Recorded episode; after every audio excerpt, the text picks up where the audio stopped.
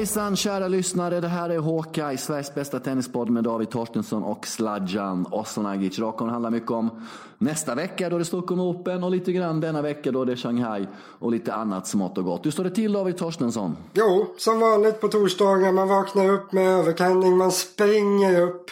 Man ägnar hela morgonen åt att förbereda sig och sen står man här med dig framåt förmiddagskvisten. Och så är allt som det ska. Så är det, det är fina fisken. Hur har du det själv där borta i Jugoslavienlandet?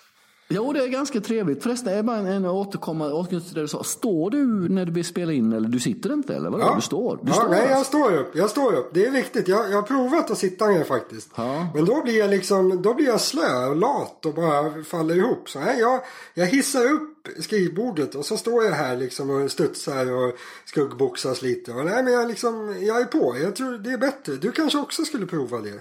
Det där är mycket, mycket, mycket intressanta saker att ta upp. Det vet jag ett förflutet på Sveriges Radio P3, tror du dig? Just det. 90-talet, Mm. omgiven av, eh, ja, inte, så mycket, inte så mycket moderater var man inte omgiven av där, det var man inte. Eh, I den korridoren. Men eh, då var det en debatt då, ska man sitta eller stå och sända radio? Och den är mycket intressant. Kommer fram till då, jag föredrar att stå upp då för att det blir mycket friare med kroppsspråket och gester och så vidare. Sagt om du kanske sitter i en situation där du har tre eller fyra olika gäster i studion. Du kanske är programledare så har du tre gäster. Till exempel det här Flipp eller Flopp som jag körde på P3 på 90-talet när man skulle bedöma låtar. Då är det jävligt gött att stå när du har tre, fyra olika pers i studion och lättare att vända sig mot hit och dit. Nu har inte jag ett höj och sänkbart skrivbord hemma i lägenheten. Men om jag hade det då hade jag höjt det och kört stående, det kan jag säga. Men det kanske blir för mycket Ja. energi då mellan dig och mig.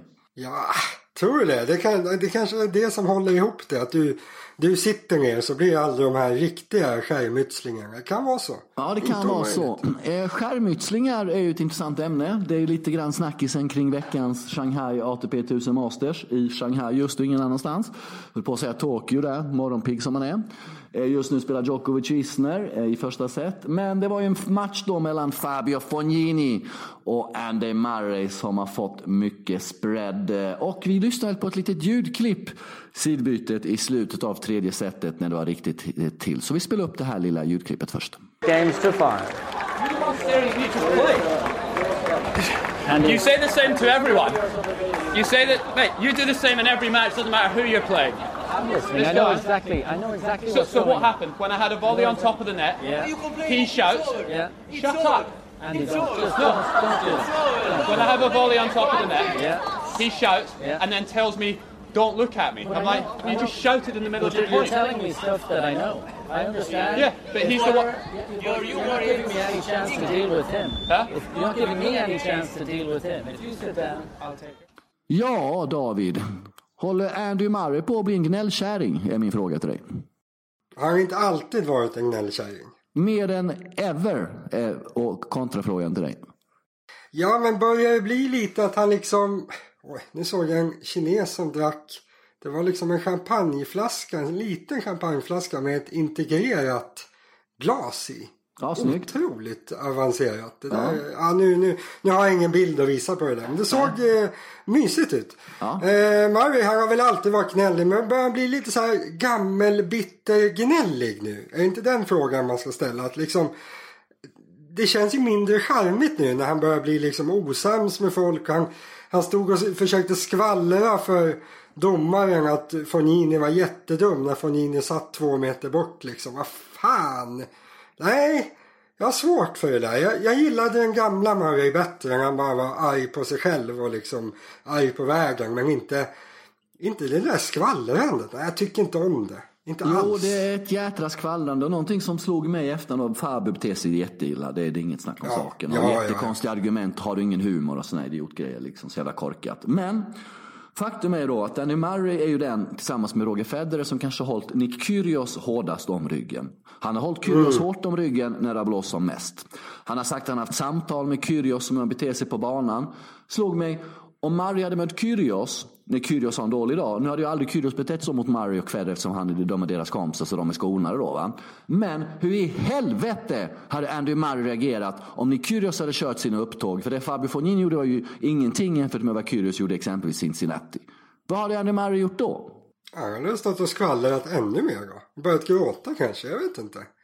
Ja. Det, det, är en, det är en fullt legitim fråga. Det känns ju som att det hade inte gått så bra. Jag, jag håller med dig i den där funderingen att alltså Känns det inte som att hela Marys liksom profil och hur han uppför sig allt, allt så här börjar inte bli väldigt stökigt? För jag menar, hur han, han vill ju framställa det som att han, han gör rätt för sig och det, det ska vara rätt och riktigt och han, han har goda åsikter. Han, alltså allting är ju korrekt numera när det gäller, gäller Murray. Men samtidigt så, så är han ju kompis med Kyrgios som sagt och, och i någon mån då försvarar det han gör.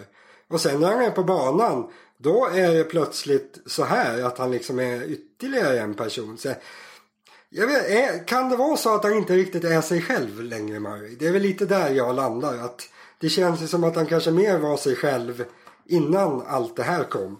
Mm. Att han nu liksom, det blir lite spretigt för att han, han, han har lagt in grejer som inte är han själv. Och det är liksom, vad det beror på det kan man väl spåna ytterligare kring. Men nej, jag vet Jag känner att min liksom kärlek till Murray börjar tona ut lite. Jag tycker det här var jäkligt ocharmigt. Sen som du säger, det Fonini, han uppför sig inte bra. Och det var ju inte Nej, det var ju ingenting av det han gjorde i den där matchen som var bra egentligen från Nini. Han, han hamnar lite fel ibland liksom. Han ska försöka vara lite rolig och han vill vinna, han är nervös. Det blir, det blir stökigt och så blir det fel ibland. Och nu råkade det vara mot Murray som liksom hänger på 100% när det händer och sånt där. Då blir det extra dåligt. Så. Det blev inget bra. Det är två spelare vi gillar det där som lyckas stöka till det så att båda framställer sig som idioter. Eh, så nej, det var ju... Det är ju roligt när det händer saker men det hade ju kunnat få vara andra spelare kanske som man tycker mindre om som, mm. som en rörkille på det där sättet. Mm, vi har Andy Murray under luppen lite grann. Framstår som lite gnälligare ja. än tidigare och håller på att bli lite lillgammal. Jag vet inte, men det är ju... Ja, sen gillar jag inte den här metodiken. Visst, vi har gjort oss lite roliga över det han sa till Rossol att ingen gillar honom och nu sa han till Fognini everybody hates you. Vem han att tala för alla? Ja, det känns lite svårt. Det stämmer ju inte heller. Nej. Det är jättemånga som tycker om Fognini. Han har jättemånga kompisar. Han känns ju, han är ju en trevlig kille egentligen liksom. Så, är det fler nej. som tycker om Fabio idag än Andy då? Är det något sånt där då? Eller är Andy på att tappa generellt? Du och jag känner ju liksom inte riktigt samma kärlek som för sju, åtta, nio år sedan. Är det en allmän trend som pågår som vi försöker fånga in och spana in här? Eller vad håller vi på med egentligen? Nej, det tror jag inte. Det är bara vi som är arga. Jag tror inte att det är så många, jag tror inte det är så många som tycker illa om Murray egentligen. Men jag vet inte, hade han uppfört sig så här från början så kanske då hade man ju aldrig börjat gilla honom. Så liksom, Nej, om man nu ska göra en uppskattning nu då har man ingen anledning att tycka om honom längre. För det finns inte, det finns inte så mycket kvar att gilla liksom. Så, nej, han får höja sig. Det där, nej fy fan. Ta bort honom. Han får, han får skärpa till sig. Bli lite eh, ung och, ja, inte positiv men arg.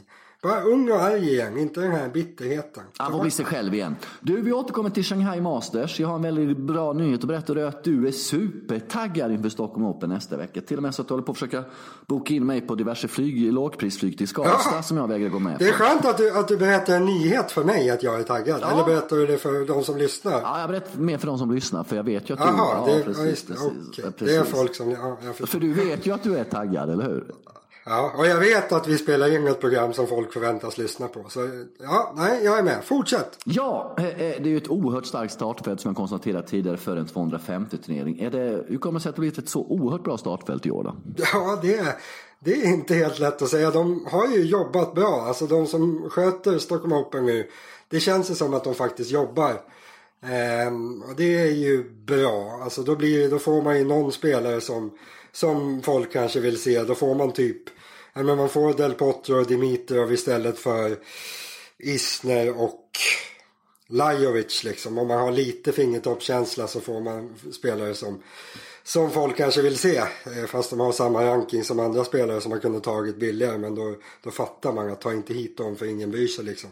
Eh, sen måste man ju haft en fruktansvärt flyt också. För alla de här marginalspelarna som på senare år ofta har varit till ganska stor del grusspelare eller så här eh, sådana som har fått sjukt bra ranking av att spela Källingetouren eller något sånt där. Att det, alltså utfyllnaden i Stockholm Open har på senare år varit riktigt risig. Så det har liksom här har varit några bra spelare ibland men det har inte varit kul i övrigt. Men i år, alltså man har i princip lyckats pricka in bara spelare som folk i teorin kan tänkas vilja titta på.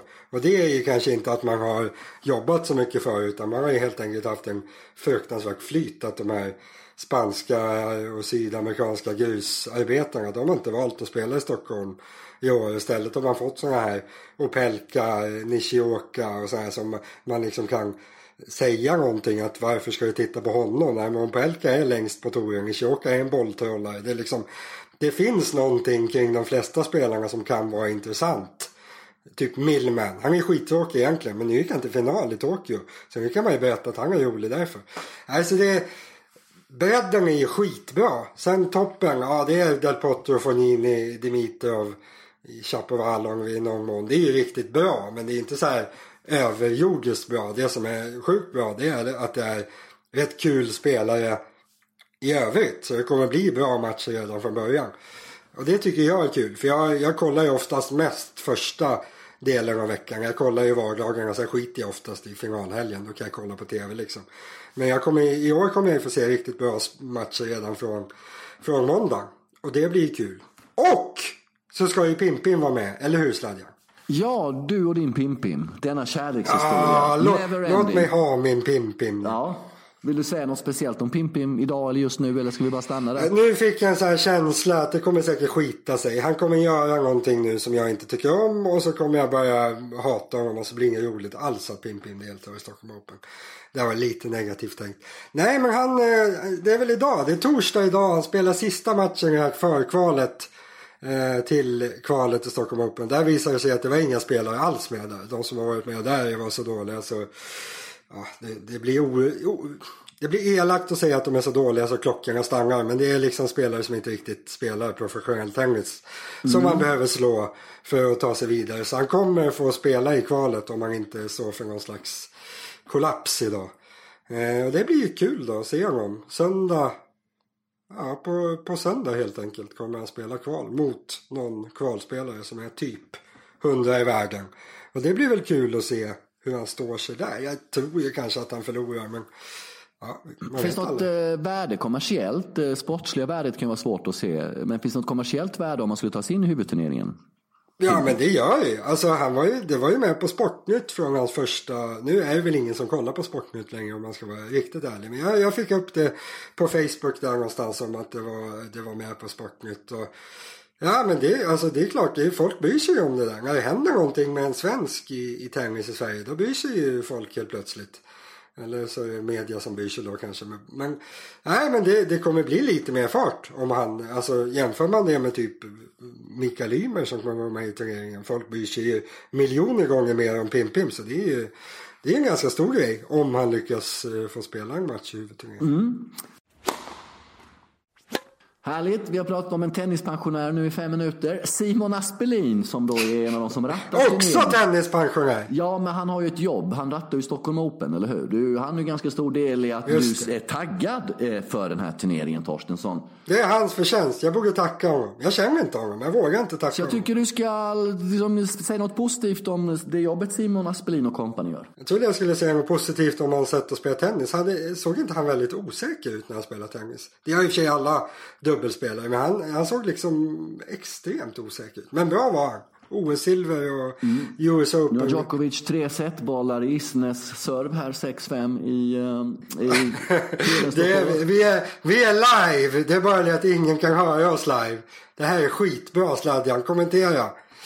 Nej men det är väl... eh, Nej, men det är tre breakbollar Isner serve.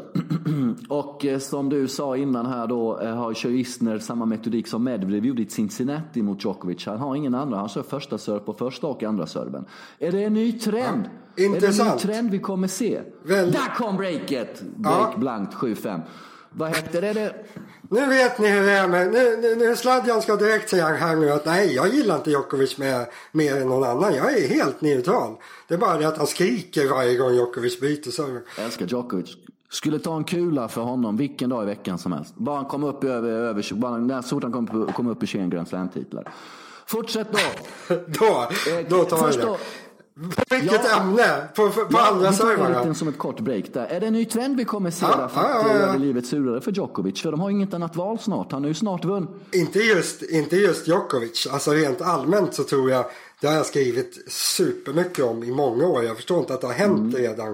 Eh, det här med andra servern, att man får inte missa en andra server. Att göra dubbelfel i tennis, det är som att... Eh, ja, vad, vad är det fulaste man kan göra? Sno en, en glass från ett barn. Man får liksom inte göra det. Du får missa allt. Du får missa smashar, du får missa forehand, du får missa backen. Men missar en andra serve och gör ett dubbelfel. Då anses du ha gett bort en poäng. För att du liksom, ja men du satte inte bollen i spel, du gav inte motståndaren chansen att missa. Bla bla bla bla bla bla bla. Jag förstår inte. När det inte finns något annat slag i tennis där man är liksom 100% säker och man är så, man kör så mycket på säkerhet att man inte får missa. Varför ska man då göra det i andra servern? Ja, om, om, jag, om man satte sig och räknade på det här och la fram liksom en, ett optimalt sätt att sköta sitt servande. Då skulle man garanterat komma fram till att om man gör noll dubbelfel i sin match. Då är andra servern alldeles, alldeles för säker. Då har man, liksom, då har man inte tagit någon risk i den överhuvudtaget. Och då har man gjort det för lätt för motståndaren att returnera. Så en fullt rimlig utveckling det borde vara att man slår i alla fall mycket svårare andra servrar sett till vad man gör nu. Att man sätter lite mer fart på dem, att man placerar dem lite bättre än vad man gör nu. Sen att göra som Isner och damma på i över 200 km i timmen på andra servern. Ja, för en servkanon så tror jag att det ganska ofta kan vara att föredra. För han, han tar liksom på ett sätt, för att återkomma till Pim-Pim, han har ju ofta gjort så. Han liksom tar motståndaren ut från eh, ja, vad, ska, vad ska man säga, utgången av sina servegame. Att gör man bara det man ska, sätter man bara servarna i någon slags utsträckning, ja men då håller man serven. Och mot någon som Djokovic som är så fruktansvärt bra på att returnera, ja det kan vara att föredra för en, en servekanon. Så ja, det är nog inte sista gången vi ser typ Isner göra det där, det tror jag. Du, det är lite beröm åt Simon Aspelin då, då hans jobb. Ja, Aspelin! Eh, nej men det är Simon Aspelin och så heter han Henrik, eh, heter han Stenmo. Och så är det eh, en kille till. De är tre killar som kör Stockholm och de har ju Nej men de har ju lyft det där sedan de tog över. De, de jobbade väl med turneringen tidigare också men nu från förra säsongen eller om det var året innan så har de tagit över driften de där tre. Eh, och det, alltså, det märks att de har ett driv som kanske turneringen i Båstad exempelvis inte alls har. Att det, där är det väldigt tröttskött. Man märker liksom att nej, de har inte lagt ner någonting av sin själ i det här. I Stockholm Open märker man att men de jobbar faktiskt med det. Och då blir det plötsligt väldigt mycket bättre. För jag tror det finns ändå ganska bra förutsättningar. Många spelare gillar att spela i Sverige. Men jobbar man inte på något sätt för att de ska komma hit, nej men då kommer de inte. Och det är lite så det har blivit i Båstad. Att, nej, men man hoppas på att spelare ska anmäla sig för att Nej men spelare gillar ju att spela i Sverige. Men liksom har man ingen kontakt med dem och jobbar man ingenting för det. Då händer det inte riktigt. Men i Stockholm Open känns det som att ja, men de har höjt sig och de, de ser lite grann till så att spelarna kommer dit.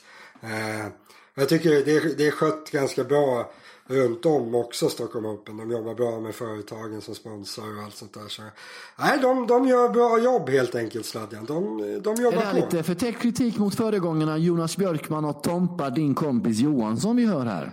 Ja, fy fan, de var helt värdelösa. Det var de som raserade Nej, allt totalt. det var det ju inte. Nej, så var det absolut inte. Det var ju, de var ju jätteduktiga. Men sen var det ju några år emellan där. Ja. Som eh, det var andra som skötte turneringen. Mm. Eh, jag vet inte när det var Björkman och eh, Johansson hoppade av. Men det var ganska många år sedan. Ja, de körde väl Eh, till... Sen var det en period mellan dem och de här. De körde väl till 14-15 i alla fall, Ja, det-? Gjorde de inte det? Mm, Låt ja, kanske. 14 Tycker du så. Jonas Ja, Björkman- Skitsamma. Det var några år där och inte var bra. Tycker du Jonas Björkman är bättre på att ratta Stockholm Open med Tompa Johansson eller är han bättre på att köra sin stiftelse, välgörenhetsstiftelse med Måns Zelmerlöw? Ja, men de jobbar väl på. Eller? De kämpar på där nere i Afrika. De bygger skolor åt barn. De, ja, de är fantastiska. De är goda människor, Sladjan. Precis så som inte vi är. Eh, de, de gör gott. Vi gör dåligt. Är det inte så? Berätta vad du har gjort för gott för världen idag. Ja, jag eh, har väl mest... Eh, Det spelar nej, ingen men det är väl inte så roligt det som händer i Syden just nu. Att Erdogan gått in. Han var ju här tidigare i veckan för övrigt i Belgrad och hela stan var ju helt uppfuckad och avstängd. Och så åkte han hem och gick in i Syrien då. då. Nej, så den biten. Ja, gjorde du någonting Nej, åt vad ska det? jag kunna göra åt det? Hur ska jag komma åt honom? Och vad... Nej, jag vet inte. Björkman och Zelmerlöw skulle säkert göra Ja. försöka. De är goda. Absolut, det är de. Men ja, eh, ett försök. Så Erdogan har varit i stan säger du. Var det spännande? Hur, såg nej, du nej, det honom? gjorde jag inte. Det gjorde jag inte. Stan är liksom helt... Var det någon som såg honom? Jag antar att eh, serbiska presidenten såg honom om de hade möte, hoppas jag. Annars, annars måste det varit jobbigt för dem. Nej, så det är komplext. Det är riktigt, riktigt komplext. Vet du. Erdogan här eh, ska ju även, eh, Turkiet ska finansiera motorvägen som ska byggas mellan Belgrad och Sarajevo också. Vet du. Eh, så att det Osmanska riket håller på att återuppstå här i ex-Jugo Balkan. Eh, får se om det blir någon fördel för mig då som är heter. Osmanagic. Det är knutet till Osmanska riket. Nej, det är fruktansvärt det som händer där i... i eh, jag har aldrig varit i Turkiet och ingen lust att åka dit heller känner jag faktiskt. Jag har varit i Turkiet. Två gånger. Jag har bestämt mig för att inte Mm. Bra, åka David. tillbaka. Det kommer jag säkert byta. Nästa gång det kommer en riktigt, riktigt billig resa som passar mig, då kommer jag åka tillbaka ändå. Mer principer har jag inte. Nej, vilken, du har ju ingen ryggrad överhuvudtaget. Nej, jag vet. Fy fan, jag är en amöba.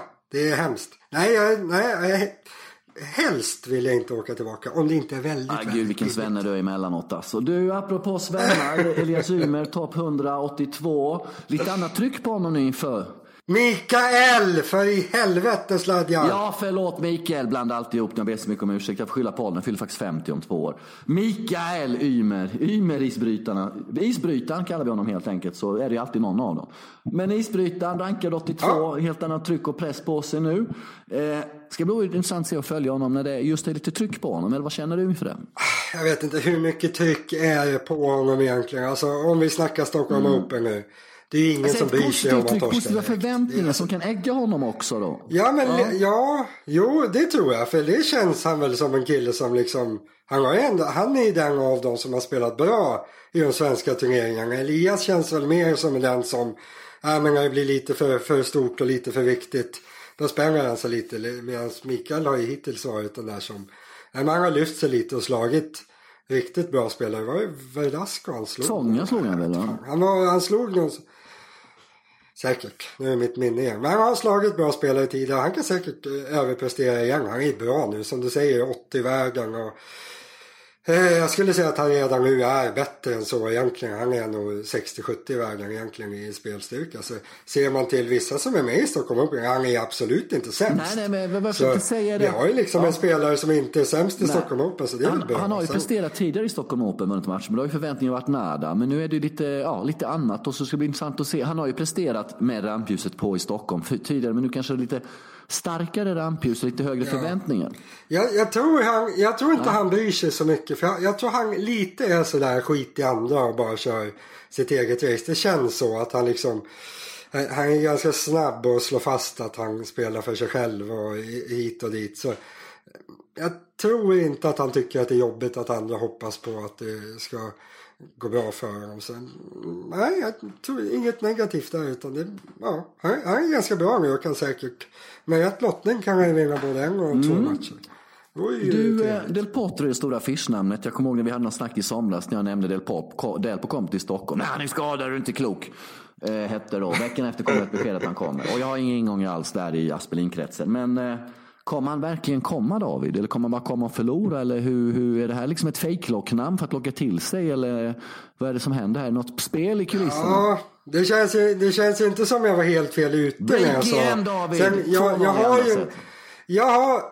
Ta det lugnt nu Sladjan, det är klart. När, när Djokovic har första Ja, jag säger bara att det break igen i realtid. Du behöver inte Ja. oroa dig.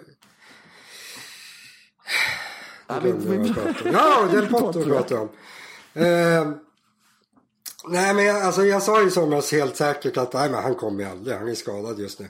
Eh, det var väl inte helt fel tänkt. Sen är jag ganska snabb med att vara säker på saker. Nu blir det ju i så fall. Han, han, ja. ja, det är jag faktiskt. Eh, nu, ah, han började träna för någon vecka sedan. Eh, nu ska han plötsligt spela match. Menar, han brukar faktiskt göra så här att han matchar igång ganska snabbt efter att han börjar träna. Eh, och då går han nästan aldrig för fullt i de här första matcherna utan han, han går liksom runt och försöker göra sitt bästa men han, han tänjer inte på några gränser direkt liksom. Eh, så, jo men han, jag, jag tror att han kommer dyka upp nu. Eh, sen tror jag inte han kommer vara särskilt bra. Men ja, det är väl bra. Väldigt bra affischnamn såklart. Och, ja, ä- även om han inte hade dykt upp så är det ju på något sätt smart att ta med honom även om han inte hade kommit för man kan ju marknadsföra honom och så vidare. Så eh, det var väl ett, eh, ett bra drag och kommer han nu så är det väl en bonus då. Om han kommer, då lär vi få se en del backhand-slicer kan jag tänka mig. När han kommer tillbaka efter skada. Det kan vi nog ut. Nu är det och för sig, nu är det ju knät för ovanlighetens skull som är trasigt. Så handleden som man slår backen med, den ska väl hålla då. Eh, men eh, ja, vi får nog inte se så många, maxlöpningar ut i hörnet. När fan man nu får se det från Del Potro. Sävligare människa får man väl leta efter. Så han kan väl han kan väl stå där och serva och smacka på lite, gå, gå till kvarten och torska liksom eh, behag. Men känner du att det är en PR-kupp att han, man lockar med honom eller att det finns en realitet att han dyker upp då? Om, det, om man ska hårdra det.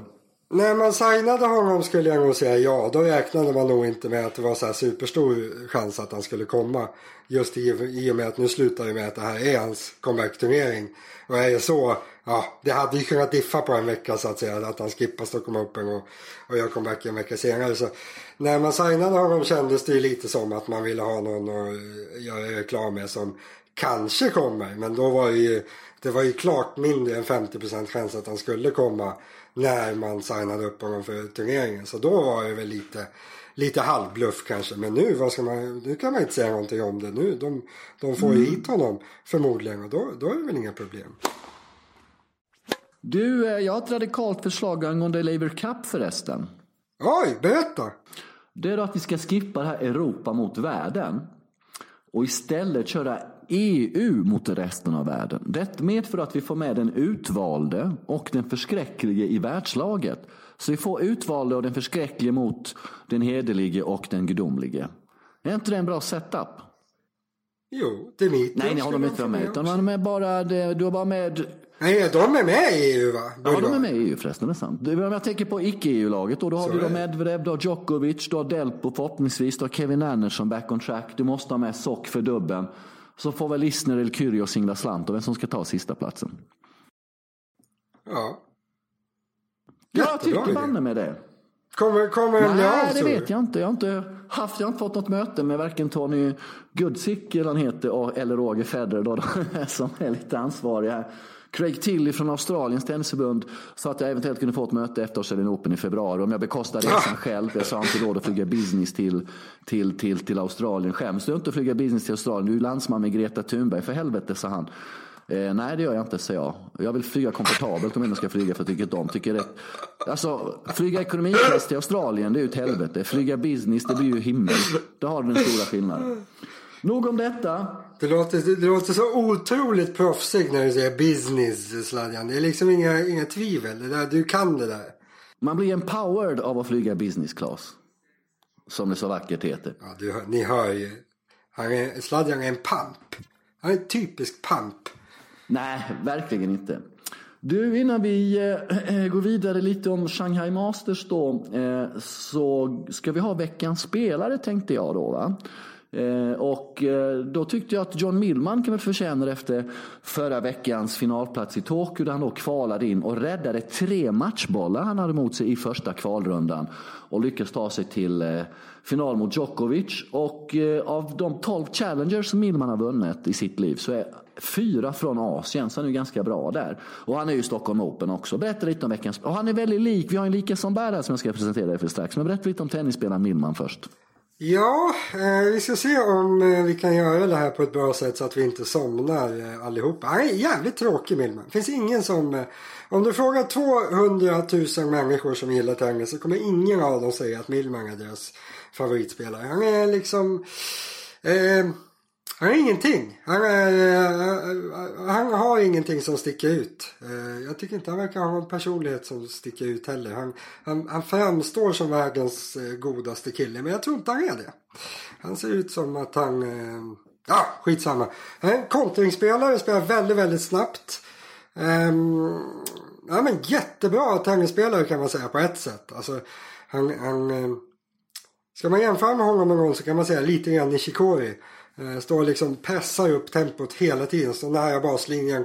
Pressar, pressar, pressar, pressar. Tills någon är för bra och liksom klarar av att och, och få ut honom i hörnan och få bort honom från baslinjen och så är han helt ofarlig eh, därifrån liksom. Men Ja, jättebra spelare, ganska intetsägande. Eh, fick, eh, ja men här när han gick till final i, i Tokyo, det är ju livsförändrande för en sån där kille. Han, han kände som att han var på väg att sladda ner lite på rankingen och närma sig kanske hundrastrecket liksom. Men nu, nu kommer han ju vara cementerad troligtvis innanför topp 50 närmaste året. Och det är ganska skönt. Om man tittar på spelarna han slog i Tokyo här. Det var liksom han, han slog Clan i kvalet, kvalet, han slog Ito i kvalet, han slog Manarino, Harris, Taro, Daniel, Riley och Pelka och så torskar mot Djokovic.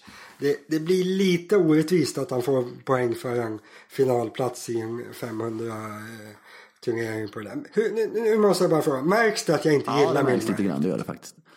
Ja, det, det slår igenom. Jag Men vi om får se ursäkt. om du kommer gilla- Eh, ja. nej, men han, en, en sak till ska jag säga. Att han var sjukt skadeförföljd under, alltså tidigt i sin karriär. Han kom ut sent på ATP-touren den här killen. Han, han var, när han var typ så här 22, 23, 24 någonting. Eh, då var han på väg rejält upp på Källingetouren. Han, han spelade till och med mycket på grus då, vann mycket på grus. Och det kändes som, nej men den här killen kommer ju komma in på ATP-touren. Sen hade han några hemska år med skador och fick börja om totalt. Eh, och nu, nu, nu är han med på touren sen några år liksom. Så på så vis är det ju rättvist att en sån kille som har så stora problem eh, tidigt till slut får ordning på kroppen. Nu är han inte så mycket skadad längre och eh, hänger med bra på touren. Så det är väl rättvist att han får några goda år här på slutet. Ska jag presentera min lika som bär då? Han är väldigt lik en svensk tv-radiopersonlighet i ansiktet tycker jag. Jaha, Är han berätta. inte jävligt lik Olle Palmlöv? Jo. Det är han nog faktiskt. Jag tror, jag tror, jag tror, jag, det sa jag inte när vi pratade igår när vi planerade det här avsnittet. Jag tror att Milman är en sån som är lik ganska många. Jag har en, en gammal kompis som han är lik exempelvis, som ingen vet vem det är. Men jag, jag, han, har lika, han, han har kanske ett utseende som är likt ganska många. Olle Palmlöv, vad gör Olle Palmlöv nu för Kilensladdar? Det vet jag inte. Jag har ingen kontakt med media Sverige, media Stockholm, så jag har ingen aning faktiskt. Det känns som att han försvann ganska tätt. Eh, som sagt, eh, det om det är någon som lyssnar så är det betthard snabela, nej det är håkaj snabela betthard.com om ni vill mejla in till oss om ni vet vad. Nu är vi flummiga sladdar, nu får vi avsluta med lite nivå men- här. Ja, vad ska vi prata om? Shanghai Masters nu. Hur tycker du den står sig bland de andra Masters-turneringarna? Det är ju nio stycken totalt. Vi ska rangordna dem dessutom, varsin lista här. Men först generellt, vad Ja men då avslöjar jag mig ju nu om jag, om jag säger något om Shanghai. Ska jag dra min lista först kanske? Nej, nej, säg generellt Nej, nej, okej. allmänt vad du tycker om det, vad du tycker om turneringen och så vidare. Ja, det är väldigt snabbt underlag i Shanghai. Det ska man ju kanske börja med att säga. Eh, snabb hardcourt, inte alltid det som gör att det blir bäst spel om man frågar mig. Eh, därför oftast inte de bästa matcherna i Shanghai skulle jag säga. Eh, sen, jag vet inte, det tror vi pratade om det förra veckan. Det, det känns ibland som att det är vissa spelare som egentligen inte vill spela i Shanghai. Och det är ofta någon av de stora som inte kommer som en Nadal nu. Så nej, inte min favoritmaster. Sen ska jag säga att den här veckan har det faktiskt varit riktigt bra. Det har varit flera bra matcher. Eh, så det känns som nivån den här gången är fullt okej jämfört med de andra Masters-turneringarna. Men eh, rent allmänt inte min favorit. Tråkig centercourt också. Den ser så här, ser ut som publiken sitter 100 meter från spelarna. Det är liksom inte, är det ingen inramning eller vad säger du? Nej, inte direkt. Det är ganska lite folk. Eh, Vad som är fascinerande är att det är mer folk på Djokovic matcher i Shanghai än vad det är på Federers. Det är väl enda stället i världen Ja. det är så. Och eh, det är endast tre vinnare i turneringen. Eh, Davidenko vann 2009. Sen dess har bara Federer, Murray och Djokovic lyckats vinna i Shanghai. Eh, innan vi återgår lite grann till slutsegerodds och så vidare. Ska vi då rangordna de här nio Masters-turneringarna, högst subjektiv rangordning utifrån dig och utifrån mig, eh, vad vi tycker. Och det är massa olika beståndsdelar i tyckandet. Ska du eller jag dra vår eh, respektive först? Nej, du, du får börja. Du får börja. Okej, Kör. plats nummer nio har jag just då Shanghai. Eh, det är en turnering jag kanske, det är väl mastersen man har sett minst på tv genom åren. aldrig riktigt funkat eh, med rytmen för mig.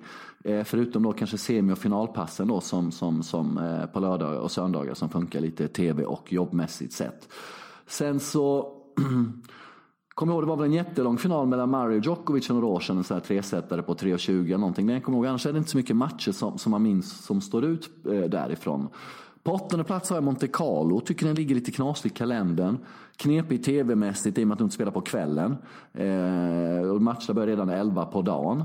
Eh, och det är en liten så här psykologisk omställning också tycker jag när man kommer från eh, March Madness och hardcourt-säsongen till första grusningen. Det känns inte, man, man har inte riktigt akklimatiserat sig själv som man har gjort lagom till Barcelona, Madrid, Rom om man, om man jämför. På sjunde plats har jag Paris inomhusturneringen. Eh, den vacklar lite i kvalitet, ibland är det mycket återbud hit och dit och sådär. Eh, sen på plats nummer sex har jag Madrid.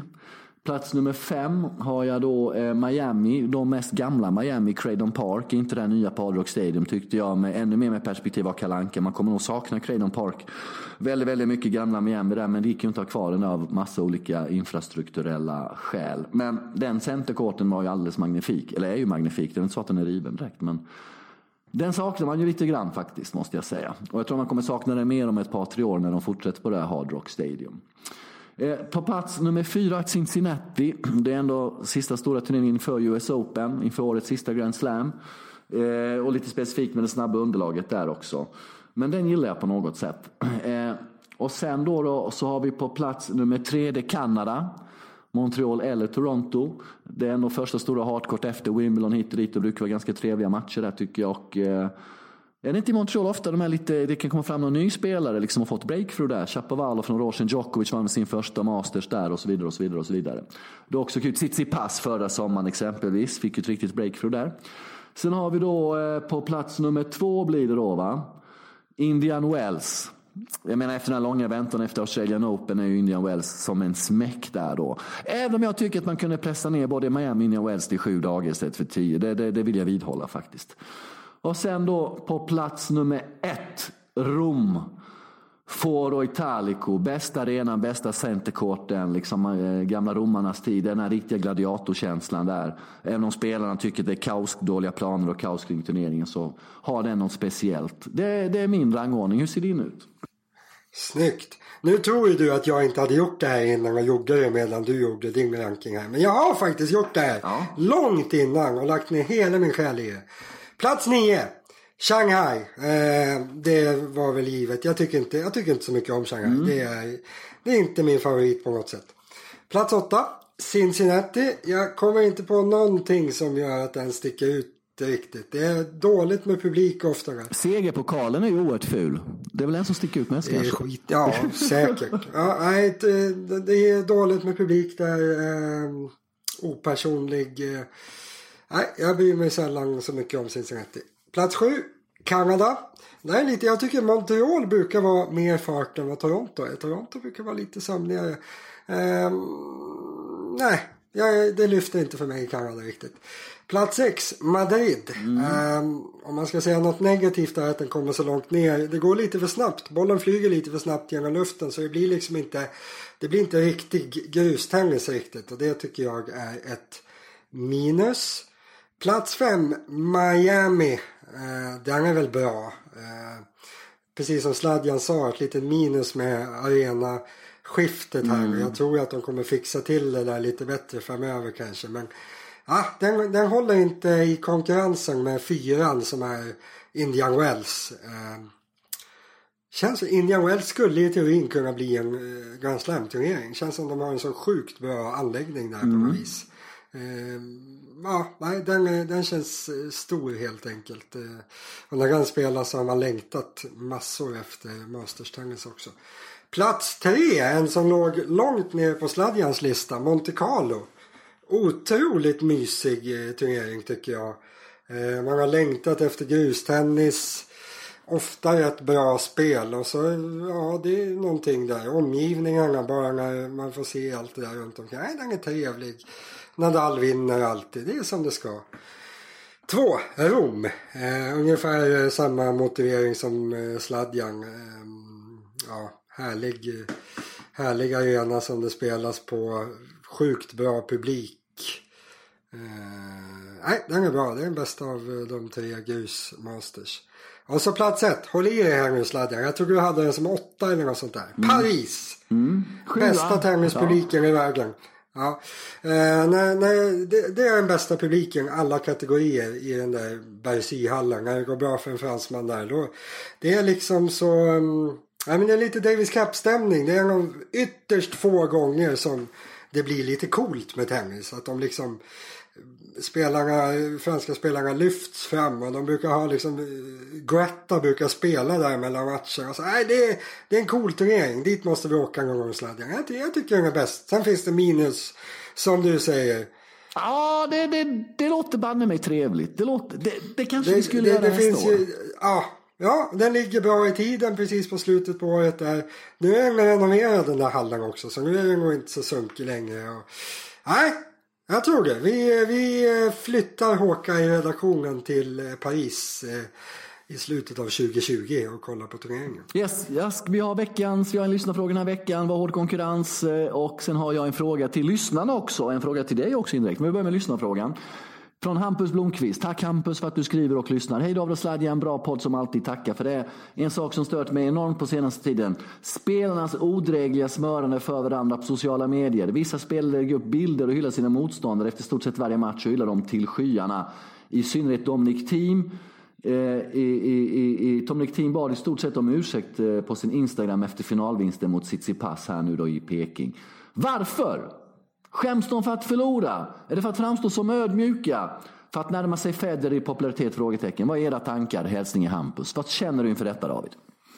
Ja, nu när, jag, nu när jag tänker efter så jag följer ju inga tennisspelare överhuvudtaget på social media. Och det, det tror jag bottnar lite i att jag helt enkelt stör mig på vad de skriver. Alltså, ja, det där är säkert en del i att liksom, vad, lägg av. Så där håller man väl inte på liksom. Det finns väl ingen annan sport där man hissar sina motspelare eller medtävlare så mycket som man gör i tennis. Det, nej, jag gillar det inte riktigt. Det känns inte Känns inte 100% ärligt. Sen är det klart, de är ju kompisar med varandra. De åker ju runt hela tiden. De är ju liksom nästan som ett idrottslag på något sätt eftersom de träffar varandra så ofta. Men de är ju konkurrenter liksom. Och, nej, jag håller helt med Hampus. Jag tycker inte om det alls. Bra Hampus. Vad känner du? Jag håller med fullständigt. Jag följer egentligen bara en spelare på, på sociala medier. Och så följer jag ett parodikonto. Vem är det? Not Roger Federer, kanske bästa parodikontot Ja. någonsin. Och så följer... Vem är spelaren då? Du har ju slutat följa Novak säger du. Ja, men jag tror att jag börjat följa honom igen. Har jag inte? Ja. Eller är det ju också så på Twitter att om vi följer andra som följer andra så dyker deras eh, poster upp ändå liksom, om du inte följer dem. Ja, men det kan Ja, vara så. något sånt där konstigt. Men, eh, Slutsegerodds i Shanghai då min vän, hur ser det ut där? Ja, nu håller de ju på att spela just nu. Hur såg de ut igår? Alltså, det finns inga, fi- Ja, igår var det 2 2,20 ungefär på att Djokovic vinner. Och så har vi Federer på mellan 4 och 5 gånger pengarna. Vem tar du? Vad sa jag nu? Djokovic på båda. Federer 4,50 någonting. Djokovic 2,20. Mm. Du får inte välja någon annan. Vem tar du? Så man får inte välja Medvedev då? Du får välja Medvedev. Han står ju typ sju. Mm. Och det blir ju potentiellt då Medvedev Djokovic i en semifinal va? Eh, samtidigt så vet vi att Djokovic är oerhört bra i Asien.